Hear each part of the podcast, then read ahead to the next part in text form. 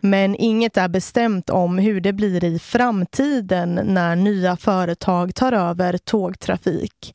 Facket och arbetsgivarna ska nu tillsammans försöka att fundera ut vilka regler som ska gälla då nya företag tar över.